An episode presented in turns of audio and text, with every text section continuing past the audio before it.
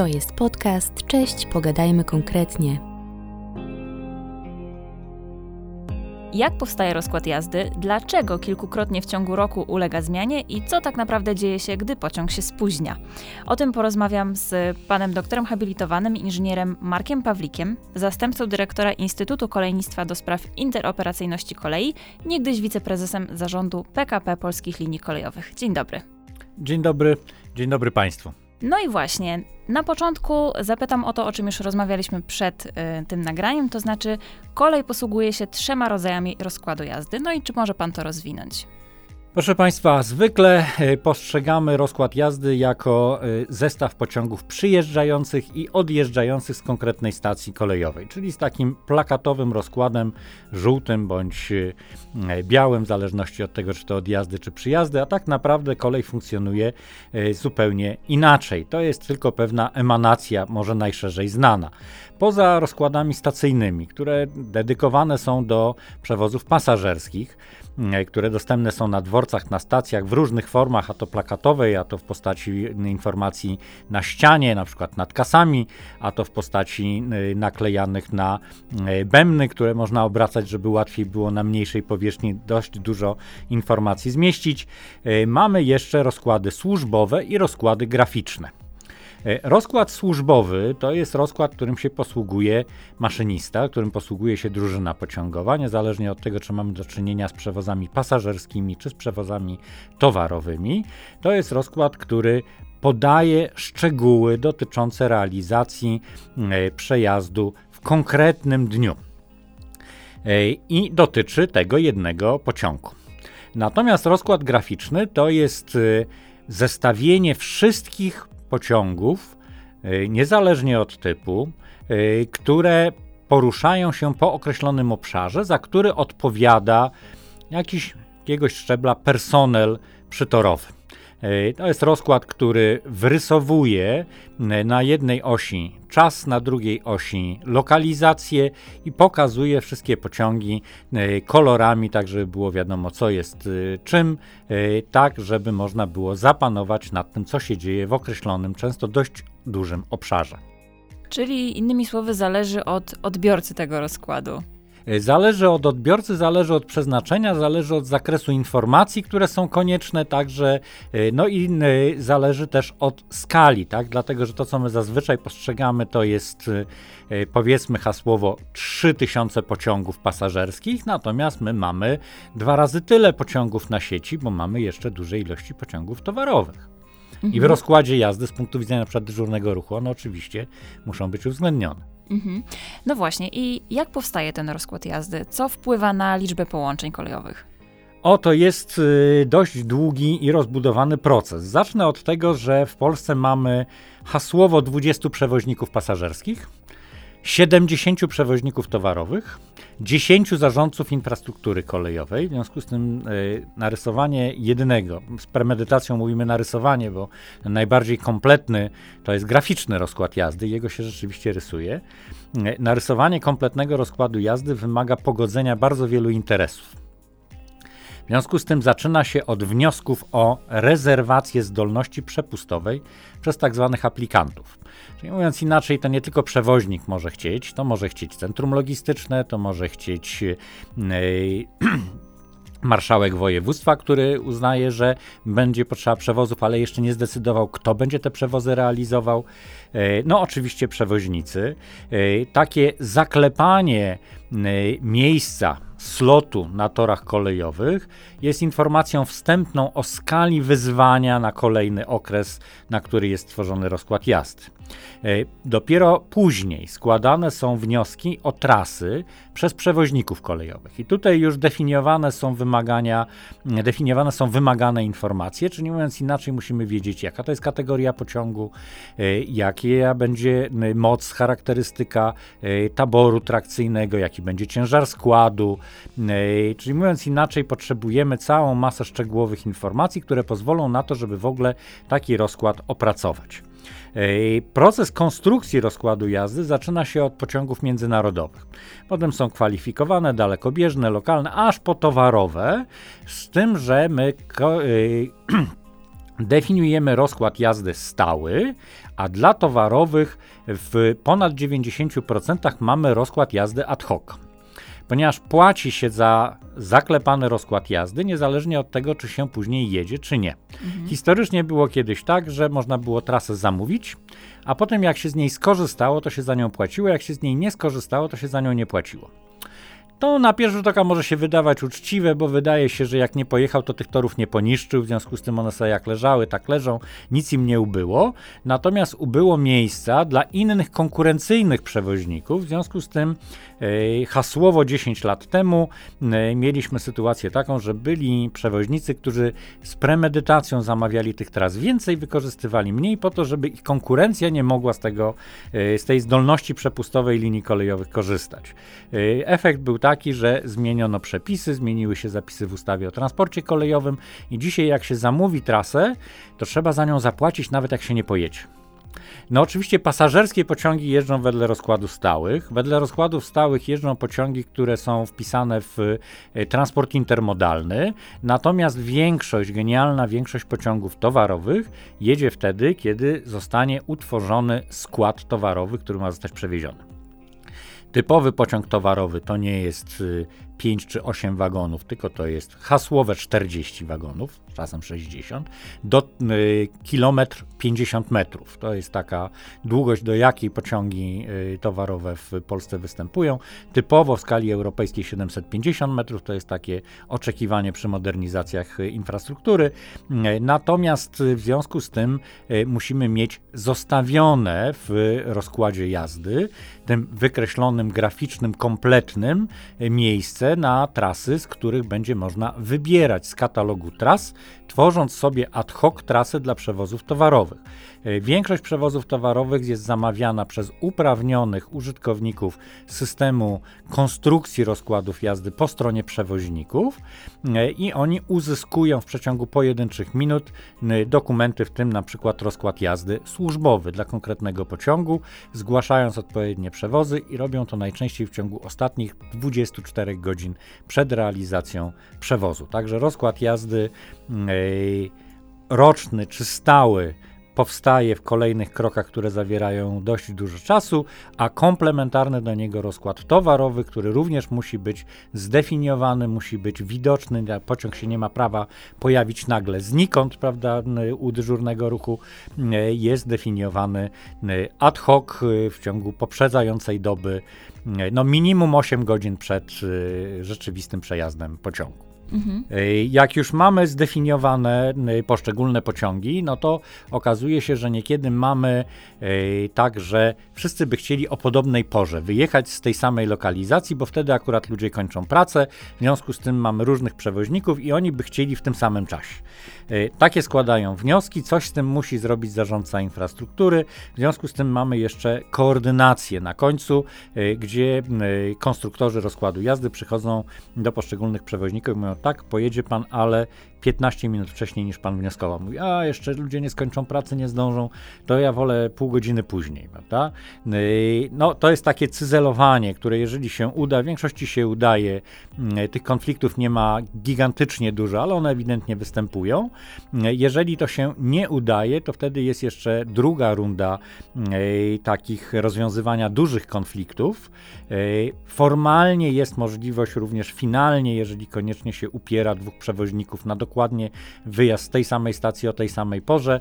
E, możliwe jest zrobienie aukcji, powiedzenie, że temu, kto zapłaci zarządcy więcej, e, to temu ta trasa zostanie przyznana. Ale to się bardzo, bardzo rzadko e, zdarza. To w skali ostatnich 20 lat prawie, że można na palcach jednej ręki policzyć, prawda? Mhm. Także no, możemy powiedzieć, że rozkład jazdy powstaje dość długo wymaga pogodzenia bardzo wielu interesów, e, natomiast No, oczywiście jego emanacją jest ilość pociągów na danej trasie, natomiast ta ilość pociągów na danej trasie no, wynika z punktu widzenia zarządcy, można powiedzieć, z wniosków, natomiast tak naprawdę złożonych do zarządcy o dostęp do e, tras na konkretnych liniach kolejowych. Natomiast można oczywiście powiedzieć, że e, tak naprawdę przewoźnicy znaczy nie biorą tego z niczego. Jest kilka e, poważnych przesłanek do tego, żeby odpowiadać na pytanie, ile tych pociągów na określonych trasach się należy spodziewać. Ta ilość ilość będzie rosła, czy będzie malała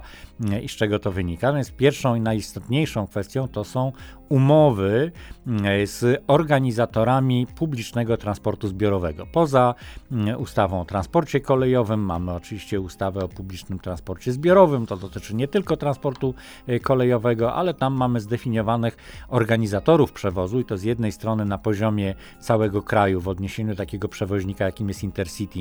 Y, tą rolę pełni minister y, właściwy do spraw transportu. No ale z odniesieniu do wielu przewoźników lokalnych tą rolę pełnią władze samorządowe, w szczególności marszałkowie województw, prawda? I oni mówią, że zablokowaliśmy określoną sumę, chcemy, żeby określone przewozy ze względu na e, potrzeby społeczności lokalnej były zagwarantowane e, i podpisują umowę z przewoźnikami, mówiąc, że gwarantują współfinansowanie po to, żeby bilety były w rozsądnej w rozsądnej cenie e, i e, dostępne, e, a jednocześnie żądają zapewnienia, że rzeczywiście w każdym jednym dniu na odpowiednim standardzie, bez nadmiernych opóźnień, z zapewnieniem odpowiedniego komfortu i tak dalej, zostaną zrealizowane te usługi, no i wtedy zostaną przez nich dofinansowane. Kiedyś to się mocno zmieniało rok do roku, dzisiaj możemy powiedzieć, że sytuację mamy dość stabilną, takie umowy PSO PSO są popodpisywane na stosunkowo długi czas, na rząd 10 lat. Na dzisiaj z większością przewoźników y, pasażerskich y, i możemy powiedzieć, że to stabilizuje rynek nie tylko w kwestii ilości przewozów, ale również na przykład w kwestii zakupu taboru, prawda? I to jest jakby jeden obszar, który odpowiada na pytanie, czego się należy spodziewać, ile tych pociągów y, powinno być, czy to będzie rosło, czy nie, czyli mówiąc inaczej, to nie sam przewoźnik, tylko w dużej mierze organizator przewozów w określonym obszarze. Natomiast z drugiej strony, oczywiście, przewoźnicy y, robią analizy zapotrzebowania na przewozy. Y, te analizy idą w kierunku analiz finansowych, dlatego że oczywiście nie wszystkie przewozy są dofinansowywane, w szczególności towarowe nie są. E, natomiast również część pasażerskich jest ewidentnie e, ekonomicznie opłacalna i realizowana w związku z tym jakby z własnej potrzeby. E, natomiast tutaj określenie potrzeby na rynku i powiedzenie, że to się ma szansę bilansować, to jest jedno, no ale potem są jeszcze warunki, prawda? Dlatego, że trzeba na przykład dysponować taborem, którym można to zrealizować, prawda? E, ten tabor musi być nie tylko na stanie, ale musi być e, do wykorzystania w kontekście obiegów taboru kolejowego, prawda? Czyli, e, no, żeby jeden zestaw nie wiem, elektryczny zespół trakcyjny albo zestaw dwóch elektrycznych zespołów trakcyjnych jeżdżących w trakcji wielokrotnej. Mógł być wykorzystany y, dla potrzeb y, pięciu różnych y, pociągów, no to te pięć relacji musi zostać w odpowiedni sposób geograficznie ułożonych na torach, tak żeby dało się przejechać w ciągu tego jednego dnia i pod tymi y, różnymi szyldami zrealizować. No najprościej, no to jest taka jazda wahadłowa. Pociąg ze stacji A do stacji B, potem z B do A. No i teraz pytanie, jak długa jest trasa, ile razy obrócimy w ciągu dnia, prawda? I czy w związku z tym to będzie regularnie, czy nie do końca, no ale jeszcze jest oddziaływanie z innymi pociągami.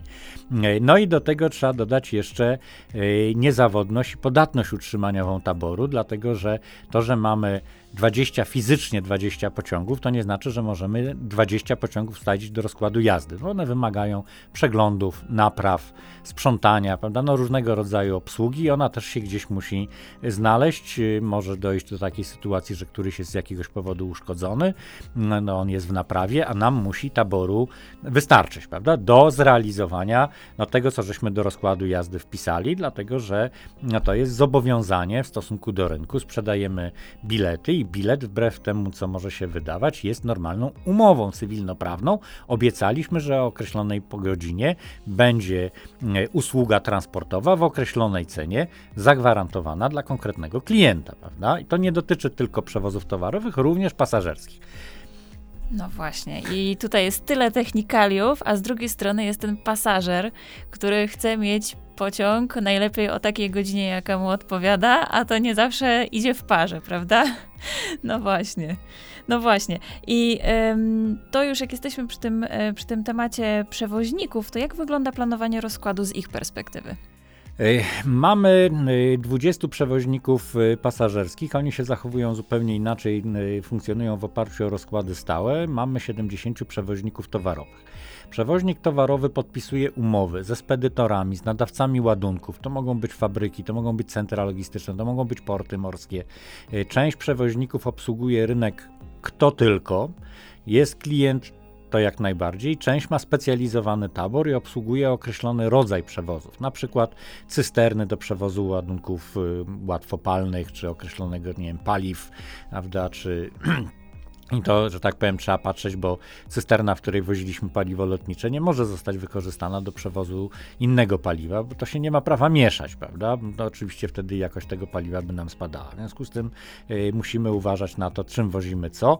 Y, I w, jakby w tym kontekście y, taką bardzo poważną determinantą dla przewozów towarowych i tworzenia, planowania rozkładów przewozów, obiegów dla przewoźnika towarowego jest rodzaj taboru, którym on dysponuje i zapotrzebowanie bieżące na rynku. No i on z reguły ten tabor dostosowuje z biegiem czasu e, do tego, jak ten rynek wygląda, jakich zmian na tym rynku się spodziewa. Podpisuje też umowy e, z różnego rodzaju spedytorami czy nadawcami ładunków. Jakby w tym kontekście przygotowuje się i uzgadnia, no bo mamy jeszcze takich prywatnych właścicieli wagonów, prawda? To jest też bardzo duża grupa, tylko oni nie mają prawa występować o rozkład jazdy, ale uczestniczą w szczególności w tym rynku towarowym i w kreowaniu tego rynku y, towarowego. Y, bardziej interesujące pewnie jest y, dla naszych słuchaczy to, jak to wygląda od strony przewoźników pasażerskich. No, z reguły są to przewoźnicy, którzy już dłuższą chwilę istnieją. Mają zastane, istniejące, wykorzystywane rozkłady jazdy. Te wykorzystywane rozkłady jazdy są doskonalone. To doskonalenie ma kilka wymiarów. Jest związane z tym, jakie są oczekiwania ze strony organizatora przewozów, jest y, zależne od tego, w jaki sposób zmieniają się parametry infrastruktury dookoła, czy my mamy ambicje, żeby na przykład będąc regionalnym y, przewoźnikiem, y, no, uruchomić jakieś dodatkowe połączenia, które są do jakiejś miejscowości nie aż tak daleko, do której ciąży nasz region, więc tutaj jest cała masa mm, elementów. Taką dominantą w zakresie zmian rozkładu jazdy jest dostępność taboru. Ja czymś dysponuję. Pytanie jest, nawet jak mam pomysł, że chciałbym jeszcze coś, czy rzeczywiście mogę to zaoferować, czy będę w stanie taką usługę realizować, bo ona nie może być raz dostępna, a raz nie.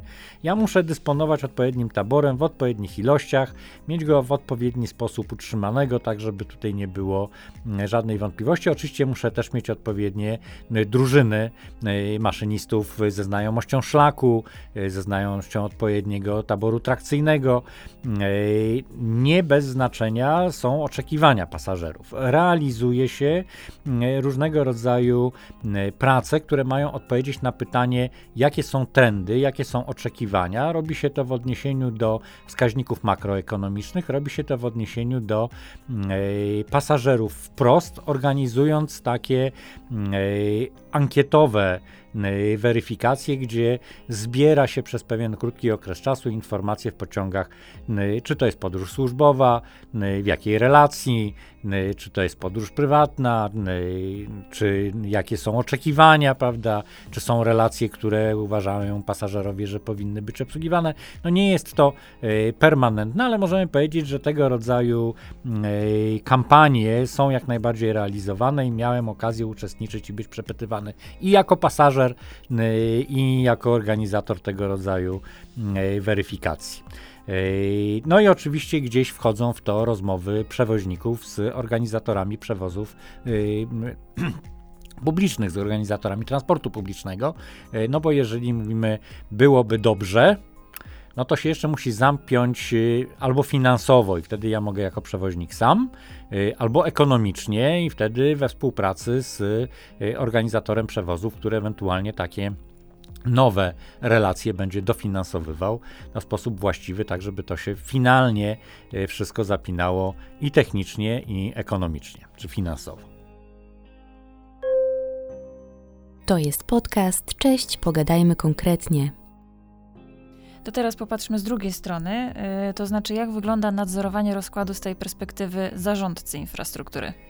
A to jest już y, zupełnie y, inna sytuacja, dlatego że zarządca nie ogląda, y, można powiedzieć tak, przewoźnik patrzy na klienta, którym jest pasażer bądź nadawca ładunku. Zarządca infrastruktury również patrzy na klienta, ale jego klientem jest przewoźnik.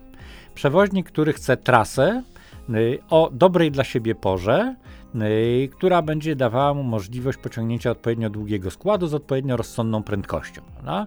Y, I interesuje nas nie ilość miejsc w wagonie czy rodzaj wagonów, interesuje nas ciężar składu, interesuje nas y, charakterystyka trakcyjna, czyli to ile będziemy potrzebowali zasilania, prawda? czy nam 2 MW wystarczą, czy trzeba będzie coś więcej, prawda? jakiego rodzaju to będzie przewóz, czyli mówiąc inaczej, ile czasu, na jak długi slot my musimy mu przydzielić, prawda? No bo czym będzie szybszy, y, tym będzie można szybciej puścić za nim kolejny pociąg, y, a jeżeli puścimy najpierw pociąg wolniejszy, no to trzeba będzie, żeby puścić szybki, żeby on tam za chwilę nie stanął i nie czekał, aż tamten pojedzie, bo ominąć to tylko w wybranych miejscach i nie tak łatwo, no to trzeba będzie odczekać zostawić odpowiednio dużą dziurę, zanim wyrysujemy w taki graficzny rozkład jazdy kolejną linię, żeby ona nie przecięła tej, która jest tam wyrysowana bezpośrednio e, przed nią. Prawda? W związku z tym możemy powiedzieć tak, że z jednej strony mamy rozkład stały, finezyjnie ułożony. Z drugiej strony mamy katalog tras, z którego wybierają przewoźnicy towarowi, tworząc ad hoc indywidualne rozkłady jazdy dla przewozów towarowych. Wrysowujemy to również w graficzny rozkład jazdy. W oparciu o graficzny rozkład jazdy kontrolujemy to na dwóch poziomach. Na poziomie sterowania e, z e, poziomu e, służb ruchu. Czyli mówiąc najogólniej, dyżurny ruchu musi wiedzieć, każdy jeden pociąg, jak się spodziewa, jaki to jest pociąg, e, jak się skomunikować z e, maszynistą czy z drużyną pociągową. E, jeżeli to są przewozy towarowe, to jakie tam, jaki to jest rodzaj przewozów, czy to są ładunki niebezpieczne, y, czy w razie gdyby coś się wydarzyło, y, to w jaki sposób należy na to reagować, prawda? Bo na przykład nie każdy pożar można gasić wodą. Y, a z drugiej strony mamy, czy jakby powyżej tego sterowania, mamy poziom zarządzania ruchem kolejowym, mamy skomunikowania między różnymi pociągami, gdzie gwarantujemy co do zasady, że jest możliwość przesiadania się na przykład z pociągów kwalifikowanych na pociągi lokalne i one zaczekają w razie coś, ale ktoś musi panować nad tym, że one w razie opóźnienia rzeczywiście zaczekają i zapewnić również odpowiednią informację y, pasażerom. Y, w związku z tym na poziomie dyspozytury, na poziomie dużych obszarów tworzymy graficzny rozkład jazdy z konkretnego dnia, z jego realizacji, rozwiązujemy duże konflikty ruchowe i podejmujemy decyzje w odniesieniu do sytuacji nieprzewidzianych i możemy powiedzieć, że w skali całej sieci kolejowej mamy 5-6 tysięcy pociągów dziennie, 38 e, tysięcy kilometrów torów, prawda, bo większość linii jest dwutorowa. E, no, e, hasłowo powiedzmy 2000 stacji, czy posterunków ruchu. Tych posterunków oczywiście nieco więcej jak stacji, wyraźnie więcej jak stacji. Natomiast to oznacza, że praktycznie rzecz biorąc nie ma takiego dnia, w którym wszystkie pociągi we wszystkich lokalizacjach pojechałyby w 100% zgodnie z rozkładem jazdy. Wystarczy, że się nam uszkodzi jeden sygnalizator świetlny, prawda? No i oczywiście my sygnalizator wygaszony zgodnie z przepisami równa się zakaz jazdy, prawda? Musimy dać pisemny rozkaz, żeby taki sygnalizator minąć, a to już wymaga e, czasu, no ale bezpieczeństwo jest pierwsze. Także, yy, także użytkowanie rozkładu jazdy z punktu widzenia zarządcy infrastruktury yy, to jest znacznie bardziej skomplikowana gra i pilnujemy, że tak powiem, całości tego, co się dzieje, a nie sposobu prowadzenia jednego konkretnego pojazdu w zgodności z yy, przewidywaną trasą i ustawioną drogą przebiegu. Mhm. To jest niesamowite, jak bardzo, e, jak bardzo połączone jest to naczynie połączone, można tak powiedzieć. Tu jest tyle zależności i właśnie tak jak pan mówi, wystarczy jeden sygnalizator, żeby już były opóźnienia, no tak mówiąc kolokwialnie, na drugiej stronie kraju. U nas nie jest tak źle. Jak porównać, jeżeli ktoś z Państwa pojedzie do Holandii, tam jest znacznie gęstszy ruch, znacznie krótsze mm, odstępy między pociągami i tam rzeczywiście jest tak, że jeżeli dochodzi do zakłócenia, jest poważne opóźnienie, powiedzmy w godzinach przedpołudniowych, to do wieczora są spóźnienia w skali całego kraju. U nas to jednak e, jest nie aż tak źle. My mamy e, większe zdolności przepustowe w porównaniu do ilości pociągów. Mamy również zdefiniowane objazdy zawczasu w odniesieniu do różnego rodzaju potencjalnych zakłóceń eksploatacyjnych, ale oczywiście na te pociągi, które jadą bezpośrednio za, to się przenosi. Natomiast pasażerowie nie widzą tych pociągów, dlatego że długość drogi hamowania pociągu to jest od 600 do, y, metrów do 1300 metrów, y, czyli mówiąc inaczej, nawet maszynista nie widzi tego pociągu, który jedzie przed nim, prawda? Natomiast mhm. od strony ustawiania dróg przebiegu, od strony definiowania, którędy ten pociąg jedzie, to po stronie zarządcy musimy tego w 100% przypilnować, prawda? No bo jeżeli on się znajdzie za blisko, to od razu będzie musiał odpowiednio zwolnić, żeby był w stanie wyhamować, prawda? Zanim dojedzie do miejsca, że mówiąc inaczej, zasadniczo chcemy, żeby jechał na zieloną falę, a jeżeli ma jechać na zieloną falę, no to powinien mieć od poprzedniego pociągu powiedzmy 2,5-3 km, 4 km, czyli wyraźnie więcej jak droga hamowania. Mhm. No to zasadniczo zmienia też jakby moje postrzeganie tego z perspektywy codziennego użytkownika kolei, bo codziennie jeżdżę pociągiem z pracy i do pracy i prawie codziennie jest spóźnienie, więc no to. Ale już... graficznego rozkładu jazdy pewnie pani nigdy nie widziała. Nie, nigdy nie widziałam. Pierwszy raz o tym usłyszałam, więc no siłą rzeczy też jest to dla mnie pewna nowość. Aczkolwiek, no przyznam szczerze, że to też troszeczkę zmienia moje podejście w kwestii wyrozumiałości do zarządcy i do tego, jak, jak to wygląda w praktyce. No ale właśnie, zatrzymując się przy tych podróżnych, tak? Mhm. Myślę, że, że, że to jest najciekawsze też z perspektywy naszych słuchaczy. E, właśnie już pan o tym wspomniał, o tym badaniu, badaniu zapotrzebowania, tak, oczekiwania podróżnych co do połączeń. Jak to wygląda? Znaczy, my zaczynamy od dość wysokiego pułapu, mamy różnego rodzaju dokumenty strategiczne. E, również e, zarówno krajowe, jak i na poziomie e, lokalnym definiowane pewne oczekiwania co do rozwoju transportu, co do miejsc, do których będzie ciążenie w odniesieniu do transportu. Takie analizy i prognozy przewozowe realizowane są z wykorzystaniem degodykowanego oprogramowania. To są dość zaawansowane programy wymagające dużych mocy obliczeniowych, uwzględniające mm, różne rodzaje transportu. W związku z tym no wiadomo jest, że możemy oczekiwać, że wszyscy pojadą koleją, ale to oczywiście nie jest prawda. Mm, z różnych powodów wybieramy różne środki e, transportu. Jeżeli ktoś mówi, że on jest, nie wiem, fanem motoryzacji, w związku z tym on nie jeździ koleją, bo mu się kolej nie podoba jeździć zawsze i wszędzie, tylko i wyłącznie e, swoim własnym samochodem, to ja mówię, że ja jeżdżę i koleją, i rowerem, mm, i latam samochodem samolotem, e, niezależnie od tego, e, że jestem kolejarzem od e, no, dobrych kilkudziesięciu lat. Natomiast z drugiej strony no, mamy świadomość tego, że jest konkurencja międzygałęziowa, jest pewien potencjał, pewne zapotrzebowanie i te, zarówno zmienia się zapotrzebowanie, jak i zmieniają się warunki konkurencji między różnymi gałęziami prawda? między rodzajami transportu. W związku z tym takie zaawansowane mm, narzędzia informatyczne, y, dość zresztą drogie, y, służą do tego, żeby weryfikować to w skali y, kraju i w oparciu o to podejmować decyzje o na przykład zakupie taboru na przykład modernizacji linii, na przykład docelowych prędkościach na określonych korytarzach. To jest jakby pierwszy e, krok, e, który jest dostrzegany również na poziomie tych e, organizatorów przewozów czy organizatorów transportu publicznego. Oni oczywiście patrzą też na jednocześnie na różne przewozy, na różne rodzaje transportu. Natomiast my ciut niżej zaczynamy patrzeć również na to, jak to zapotrzebowanie się zmienia.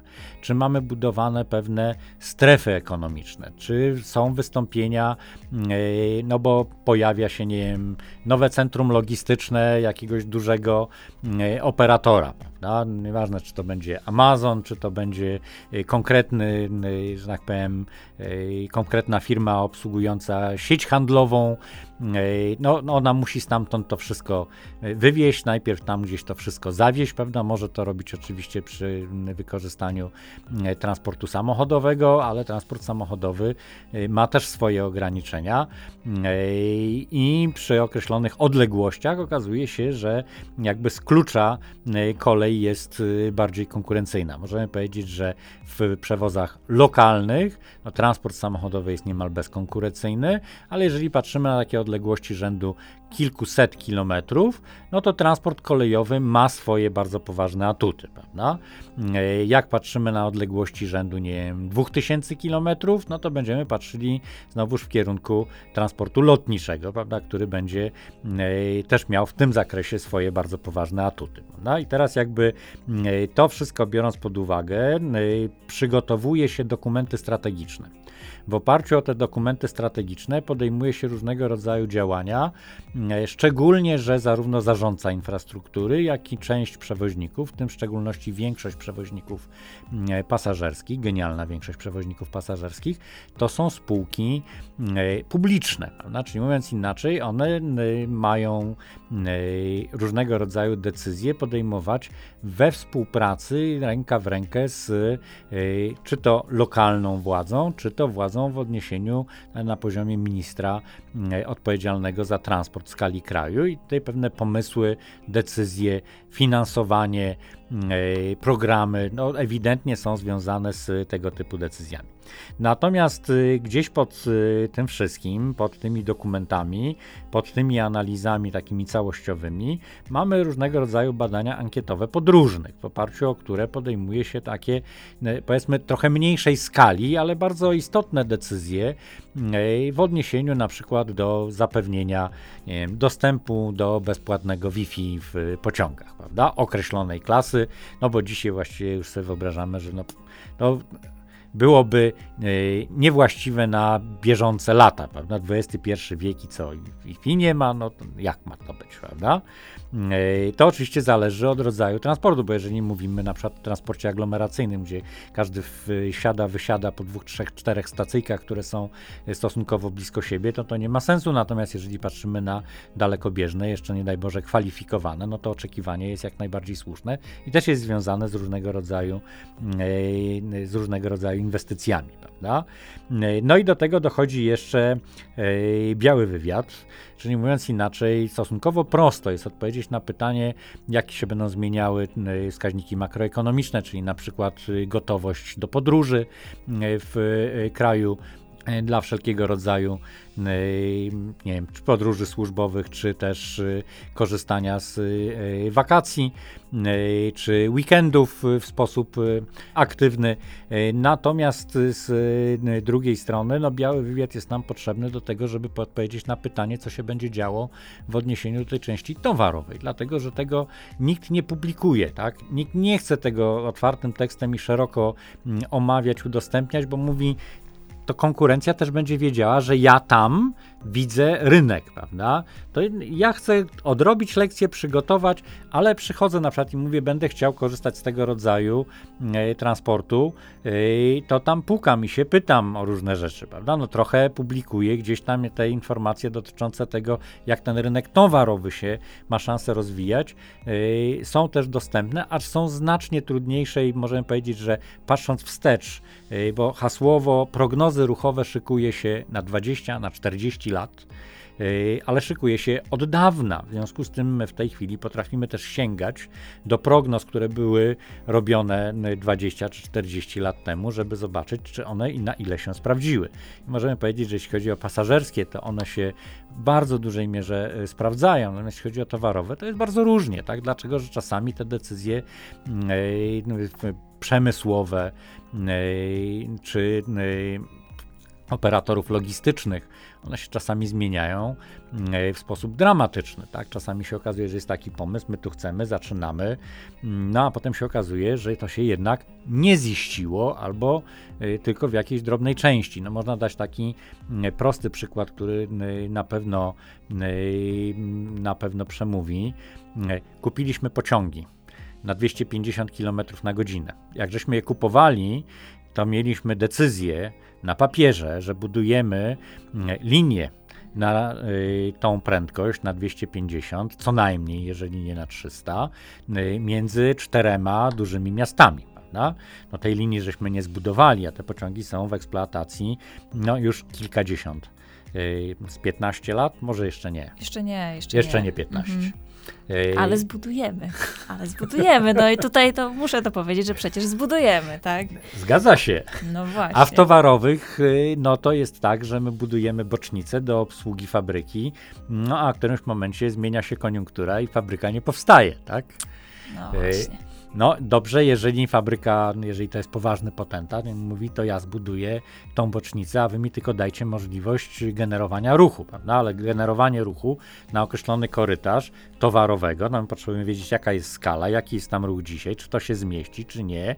Yy, no, yy, to są zupełnie inne prędkości, w związku z tym, jeżeli mamy na przykład, yy, nie wiem, w trzech godzinach szczytu, pociągi y, pasażerskie, jeden za drugim, prawda? I byśmy powiedzieli, to my jeden z tych pociągów wyjmiemy i wsadzimy jeden towarowy. Jak my jeden towarowy wsadzimy, to następne trzy pasażerskie już nam nie wejdą, prawda? Bo prędkości, długości dróg hamowania, to się, że tak powiem, przestaje spinać, tak? No właśnie.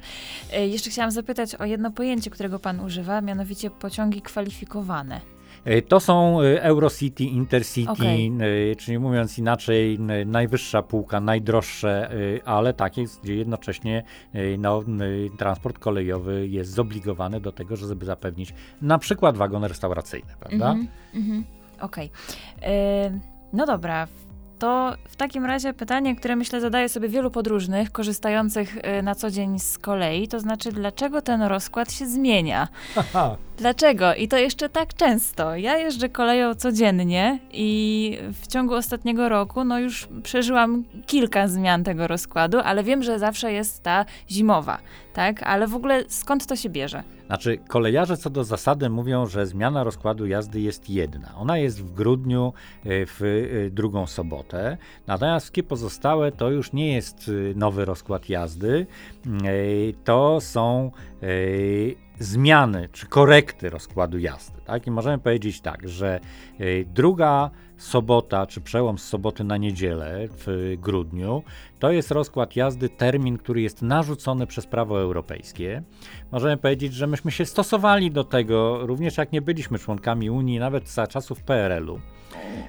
Również y, ten termin y, pierwszej soboty w czerwcu to jest termin, który jest narzucony przepisami prawa na poziomie europejskim i wynika z zmian w pociągach międzynarodowych. Te pociągi międzynarodowe układane są jako pierwsze i to jest coś, co musi być uzgodnione jakby na poziomie odpowiednio wysokim, odpowiednio wcześnie, żeby nie było takiego kłopotu, że podjeżdżamy pociągiem międzynarodowym i stoimy na granicy tam drobniusieńka stacja, prawda, jakieś tam, jakieś tam kunowice, prawda, a się okazuje, że po drugiej stronie akurat właśnie coś, lokalny pociąg jedzie i my nie możemy, tak?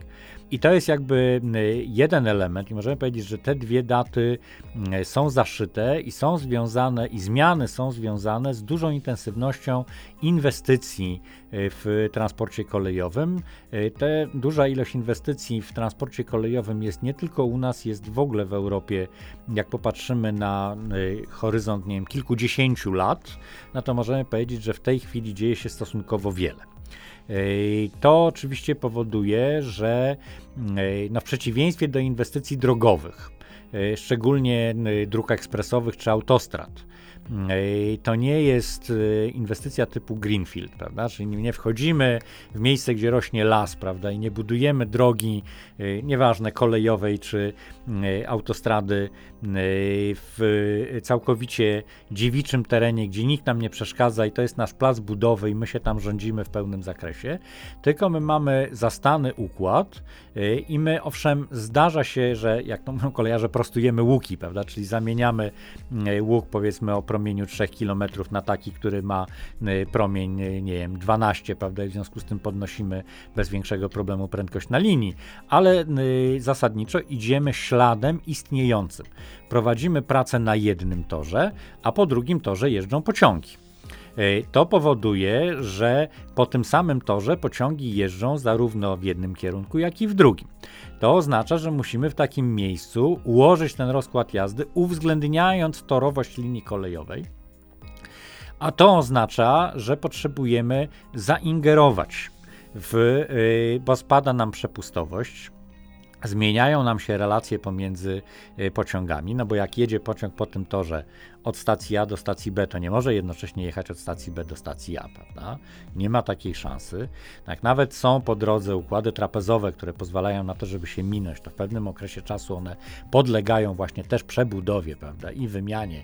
W związku z tym y, potrzebujemy y, to y, uwzględnić w rozkładzie jazdy. Mało tego, jak my przebudowujemy na przykład linię, nie wiem, powiedzmy Warszawa-Gdańsk przebudowywaliśmy to nam zwiększała się ilość pociągów, nie na połączeniu tutaj tam przez Strzew, Malbork, prawda, tylko na połączeniu przez y, Toruń i Bydgoszcz, prawda, dlatego, że którędyś te pociągi musiały pojechać, prawda, y, albo którędy indziej pojechały towarowe, po to, żeby zmieściły nam się pasażerskie, albo nawet część pasażerskich pojechała innymi y, trasami, prawda, no bo droga przebiegu to jest po konkretnym torze i po konkretnych rozjazdach ustawionych w konkretnych położeniach, a trasa to jest po konkretnych stacjach, prawda? Czyli sprzedajemy trasę, a na, ale żeby sprzedać trasę, to musimy wiedzieć, że się da ustawić drogę przebiegu, prawda?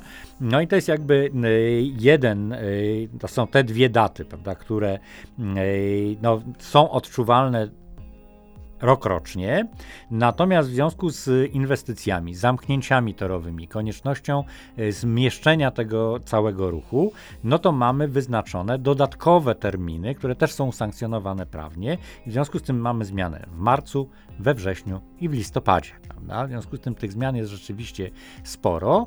Natomiast z drugiej strony trzeba powiedzieć w ten sposób: my musimy każdą zmianę rozkładu jazdy wprowadzić do systemów cyfrowych, musimy ją przekazać przewoźnikom, bo jak kupuje pasażer bilet i ma na bilecie napisane, że wyjazd jest o takiej godzinie, a przejazd jest o takiej godzinie, to to jest umowa z nim zawarta, prawda? To jest podcast. Cześć, pogadajmy konkretnie.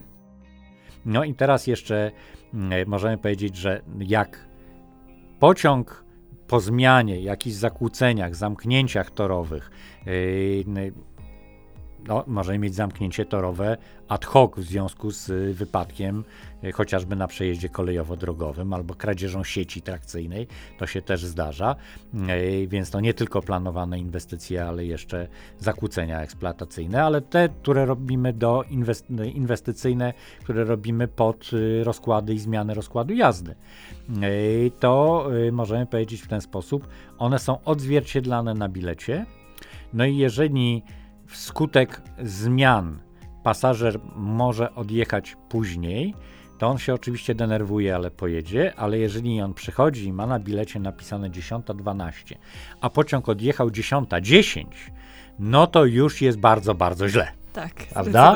I to jest nie do zaakceptowania i tu już jest, że tak powiem, y, Departament Praw Pasażera, y, do którego należy zapukać i powiedzieć, że tutaj to ktoś bardzo mocno tej lekcji nie odrobił w sposób właściwy, tak? Mhm. E, no tak. No i, i, myślę, że to też, e, no nie chcę powiedzieć, że to jest codzienność na polskiej kolei, ale jest to spotykane, mianowicie różne sytuacje kryzysowe, z którymi trzeba się mierzyć. No i jak to wygląda ym, na przykład w przypadku jakiejś kolizji czy załamania pogody? Jak wygląda to zarządzanie z perspektywy tego zarządcy, tak? To znaczy, co wtedy się dzieje? Znaczy tak, po pierwsze trzeba powiedzieć, że dla każdej trasy jest zdefiniowana trasa alternatywna. Czyli mówiąc inaczej, jeżeli coś się wydarzy, to nie zaczynamy od tego, żeby się zastanawiać, to co teraz, prawda? Mhm. Tylko wyciągamy z góry napisane, gotowe scenariusze. I mamy tak, jedna rzecz stosunkowo najmniej bolesna, to, jest to są opóźnienia. E, jeżeli da się, że pojedzie wszystko, tylko pojedzie z jakimś opóźnieniem, to oczywiście jest kłopot, y, jest y, nieelegancko, no ale powiedzmy sobie, że termin, y, w szczególności dojechania do końcowej stacji, chcemy dotrzymywać, staramy się dotrzymać, ale to nie jest najwyższy priorytet. Tak? Najwyższy priorytet to jest przede wszystkim bezpieczeństwo. Czyli mówiąc inaczej, my mamy zagwarantować, że nikomu nic złego się nie wydarzy. To nie jest y, takie opowiadanie, bo możemy powiedzieć w ten sposób: mamy hasłowo y, kilkuset pasażerów w pociągu, prawda? E, no i po tych samych torach jedzie takie pendolino 200 na godzinę, e, które jest pociągiem lekkim, bo waży tylko 400 ton. No a e, po tych samych torach do Gdańska jedzie ciężki skład 3,5 tysiąca ton z ładunkiem wybuchowym, łatwopalnym, prawda, żrącym, żeby załadować określone materiały w porcie, prawda. No pasażer nie widzi, bo droga hamowania jest taka, że nie ma szansy, ale my musimy, że tak powiem, to dostrzegać. I teraz y, y, pierwsza rzecz, graficzny rozkład jazdy, dyspozatura na dużych obszarach, y, centrum zarządzania kryzysowego, gdzie widzimy całą sieć kolejową. Martwimy się o skomunikowania tak dalece, jak dalece jest to możliwe. Mamy zdefiniowane trasy objazdowe, mamy umowy z przewoźnikami drogowymi, którzy zapewniają nam komunikację zastępczą, bo jeżeli mamy trasę objazdową i w związku z tym jedziemy objazdem, to pomijamy na przykład dwie, trzy lokalne stacje, ale są pasażerowie, którzy wykupili do nich bilety. W związku z tym oni muszą dostać możliwość dojazdu. No, zdarzyło mi się z takiej komunikacji zastępczej korzystać w Niemczech Zdarzyło mi się korzystać z takiej zastępczej komunikacji w Belgii, prawda? Więc to nie jest coś, co się zdarza tylko u nas, bo my jesteśmy jacyś nie tacy. To się zdarza w, wszędzie, dlatego że ta sieć kolejowa, ona jest intensywnie dość wykorzystywana, bo są przewozy, których w ogóle nie da się zrealizować e, transportem innym, prawda? Na przykład nie wiem, węgla do elektrociepłowni. Prawda? Jeżeli jeden blok e, potrafi potrzebować kilku pociągów z węglem dziennie, prawda? E, no to e, transportem samochodowym się tego zrobić nie da.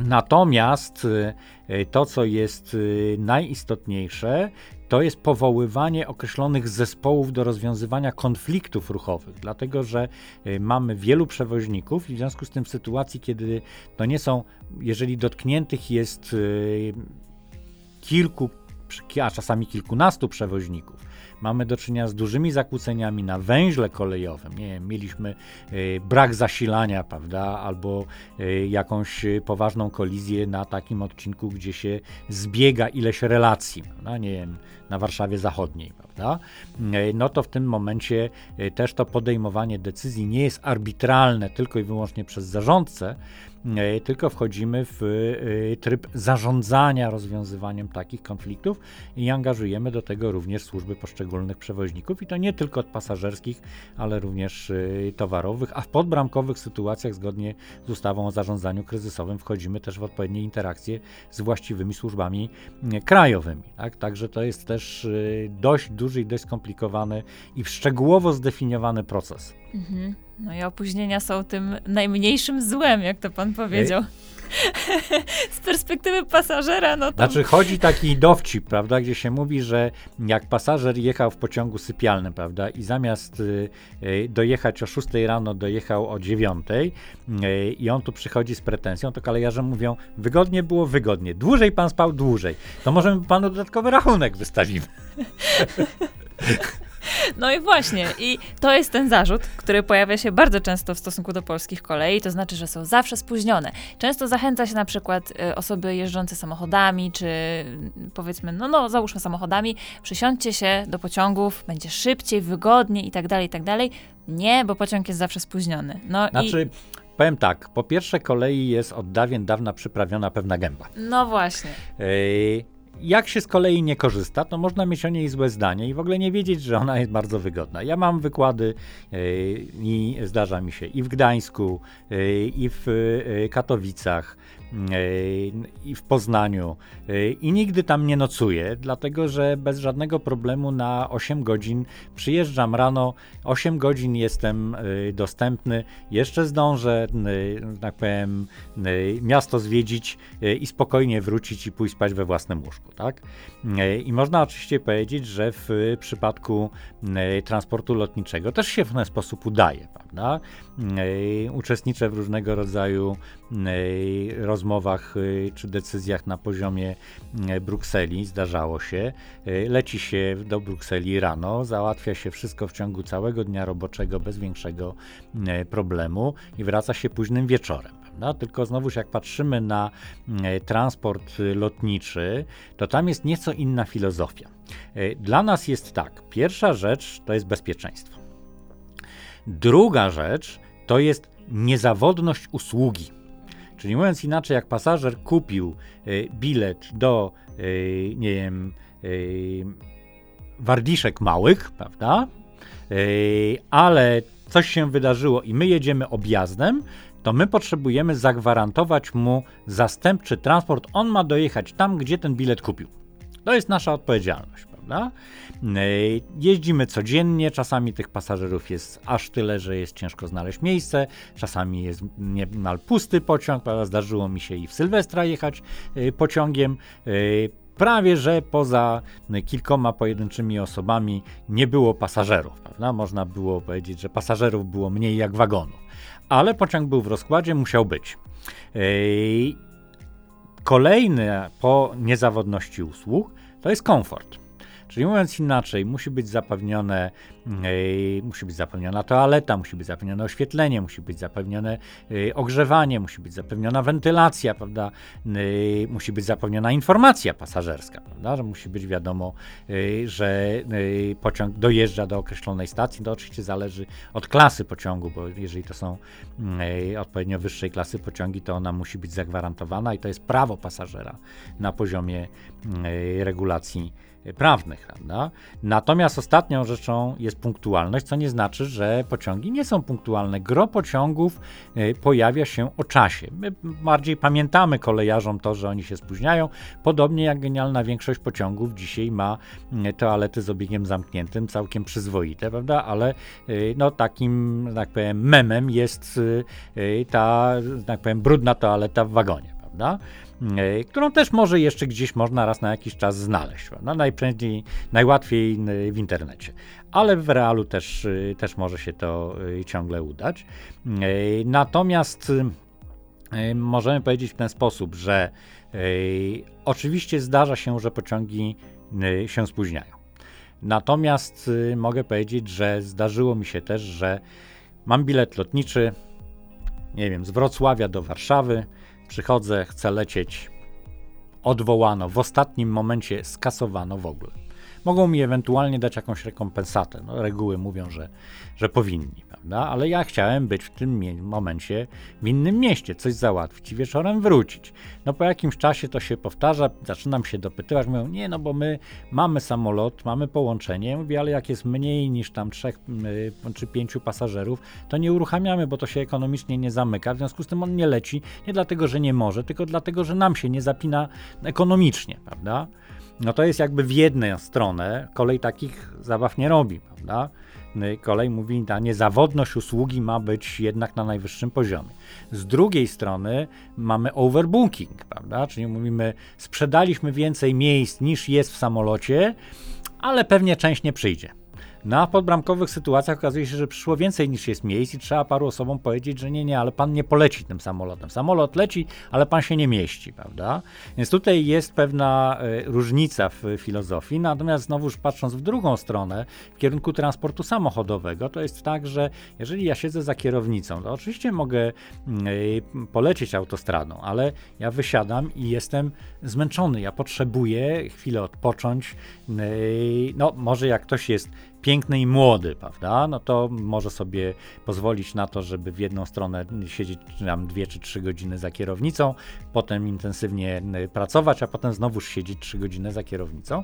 Ja wolę wsiąść do pociągu, gdzie mogę pójść do Warsu, przeczytać gazetę, popracować na komputerze, rozprostować nogi, przejść się wzdłuż, prawda, pogadać, pooglądać drzewa, prawda, czy jakieś wioski za oknem, porozmawiać z współtowarzyszami podróży, prawda? I muszę powiedzieć, że to jest zupełnie inny komfort i w zupełnie innym stanie człowiek przychodzi później na przykład poprowadzić jakieś zajęcia ze studentami, prawda? Mhm. No i już tak zmierzając do końca, jakie perspektywy pan by y, zarysował przed polską koleją? Generalnie powiedziałbym, że perspektywy w ogóle przed koleją w Unii Europejskiej są bardzo pozytywne nie tylko w y, Polsce, możemy powiedzieć tak, jest realizowanych szereg inwestycji. Mhm. Y, ten szereg inwestycji przenosi się między innymi na te opóźnienia, o których żeśmy przed chwilą y, rozmawiali, ale jest wola polityczna, jest wola polityczna na różnych szczeblach, zarówno na poziomie lokalnym, gdzie dziś już się często dostrzega potencjał i potrzeby w zakresie e, transportu zbiorowego, gdzie już nie mówi się tylko, że potrzebujemy mieć autostradę, drogę, ale potrzebujemy również dojazd dla dużej ilości pracowników. Mamy też inwestycje, e, które są współfinansowane z regionalnych funduszy. E, a nie tylko z takich na poziomie krajowym. Mamy bardzo dobry klimat, jeśli chodzi o transport e, kolejowy na poziomie europejskim, gdzie on ma pewne atuty, jeśli chodzi o, e, o ekologię. Co nie znaczy, że w tym zakresie nie ma rzeczy do doskonalenia. Są, ale to jest jakby temat na osobną ewentualnie dyskusję. Natomiast z całą pewnością e, jest e, bardzo wiele elementów, e, które, które moglibyśmy jeszcze starać się poprawić, tak? I mówiąc wprost, możemy z jednej strony powiedzieć, że jest szereg takich rozwiązań, które już dostrzegamy, yy, że powinny na przykład zmienić w sposób bardzo istotny połączenia Warszawa-Wrocław, yy, ale jest też szereg takich, gdzie możemy rozmawiać o różnych yy, elementach, które my moglibyśmy, patrząc na to, jak transport kolejowy funkcjonuje w różnych krajach, chcieć przenieść na własne podwórko. No i właśnie, jak to wygląda w innych krajach i od kogo możemy najwięcej czerpać? To nie jest tak, że można wskazać jednego, który jest y, do naśladowania. Mhm. Możemy powiedzieć tak, jeżeli chodzi o połączenia między dużymi głównymi miastami, to na pewno powinniśmy patrzeć na przykład w kierunku Niemiec, gdzie y, wysokiej klasy pociągi, y, dobrze skomunikowane, w odpowiednio dużych ilościach, są rzeczywiście dostępne. Jeżeli popatrzymy na ofertę w stosunku do y, różnego rodzaju mniejszych miejscowości, to możemy powiedzieć, że jeżeli byśmy chcieli patrzeć, komu się to tak naprawdę udało, to właściwie należałoby powiedzieć, że Czechom. Tam rzeczywiście u Czechów, jeśli chodzi o ofertę w odniesieniu do poziomu powiatów, prawda, to tam kolej y, funkcjonuje tak, że można im pozazdrościć. No. Notabene też y, jakby my tutaj z nimi wiem, że współpracujemy, więc no, już coś tam się dzieje w tym temacie. Jeżeli byśmy powiedzieli połączenia z dużymi prędkościami, prawda? no to y, tu pewnie się pani zdziwi, nie pokażę na Francję, tylko pokażę na Hiszpanię. To mnie nie dziwi. Tylko pokażę na Hiszpanię, tak? Dlatego, że w we Francji cały program TGV to jest już y, jakiś czas temu. On się w ostatnim czasie w istotnym zakresie nie rozwija. Natomiast to, co e, patrzymy, taki boom w zakresie pociągów dużych prędkości, oferty w tym zakresie i połączeń z transportem również szynowym, ale tym takim o charakterze lokalnym, to niewątpliwie Hiszpania tutaj bardzo dużo zrobiła w ostatnich latach. Tak? No, gigantyczny skok w zakresie kolei dużych prędkości wykonali Chińczycy. No ale to jest jakby inny trochę świat, tak, właśnie, inne zapotrzebowanie, świat, tak. inna ilość, że tak powiem, pasażerów, mhm. inne podejście do pasażera zupełnie, tak, no można, można być Chińczykiem i nie mieć prawa jeździć koleją prawda? To, to, nie, to może w tym kierunku nie idźmy, ale wspomniał pan właśnie też o Czechach, o, o Hiszpanach, no to, to, to są powiedzmy partnerzy, z którymi tam prowadzimy współpracę w tym momencie i od których też czerpiemy. Chyba już powinnam podziękować za tą ogromną pigułę wiedzy. E, w momencie, kiedy publikujemy ten podcast, e, w tygodniu właściwie, w którym publikujemy ten podcast, wypada Dzień Kolejarza. W związku z tym e, ja chciałabym złożyć najlepsze życzenia wszystkim kolejarzom zielonej fali, dużo bezpieczeństwa i jak najszybszego zakończenia inwestycji, żeby... Nie, nie. Zakończenia inwestycji szybkiego nie, dlatego że jak się inwestycje zakończą, to się okaże, że już zrobiliśmy wszystko. Jak się zakończą za wcześnie, to będzie no niedobrze. No tak, tak, tak. Rozsądnego i utrzymującego się na y, w miarę stałym poziomie Także te inwestycje, że tak powiem, one powinny być, ale powinny być realizowane w długim horyzoncie w taki sposób, żeby jak najmniej były odczuwalne z punktu widzenia przewozów. Tak? Dokładnie. I też pod tym się podpisuję. I bardzo dziękuję Pani Profesor za rozmowę. Myślę, że słuchacze tutaj mogą dowiedzieć się bardzo, bardzo dużo na temat tego, jak powstaje rozkład jazdy i myślę też nauczyć się trochę wyrozumiałości wobec, wobec zarządców i przewoźników. Dziękuję bardzo. Bardzo dziękuję. To był podcast Cześć, pogadajmy konkretnie.